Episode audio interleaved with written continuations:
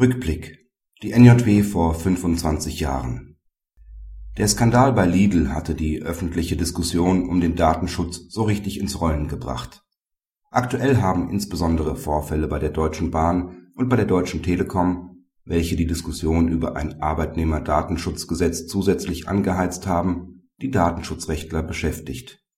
Welche Rechte haben die Datenschützer aber gegen Rechtsanwälte, die bekanntlich der Schweigepflicht unterliegen dieser Fragestellung gehen im aktuellen Heft ab Seite 550 Thilo Weichert aus Sicht eines Landesschutzbeauftragten für Datenschutz und Helmut Redeker aus Sichtweise eines Anwalts nach. Dass sich durch die Einführung neuer Medien mit immer mehr Möglichkeiten der Information und Kommunikation gleichzeitig auch die Bedeutung des Datenschutzes erhöht, ist keine so neue Erkenntnis. Bereits Jochen Schneider hatte diese These in der NJW von vor 25 Jahren aufgestellt NJW 1984, Seite 390.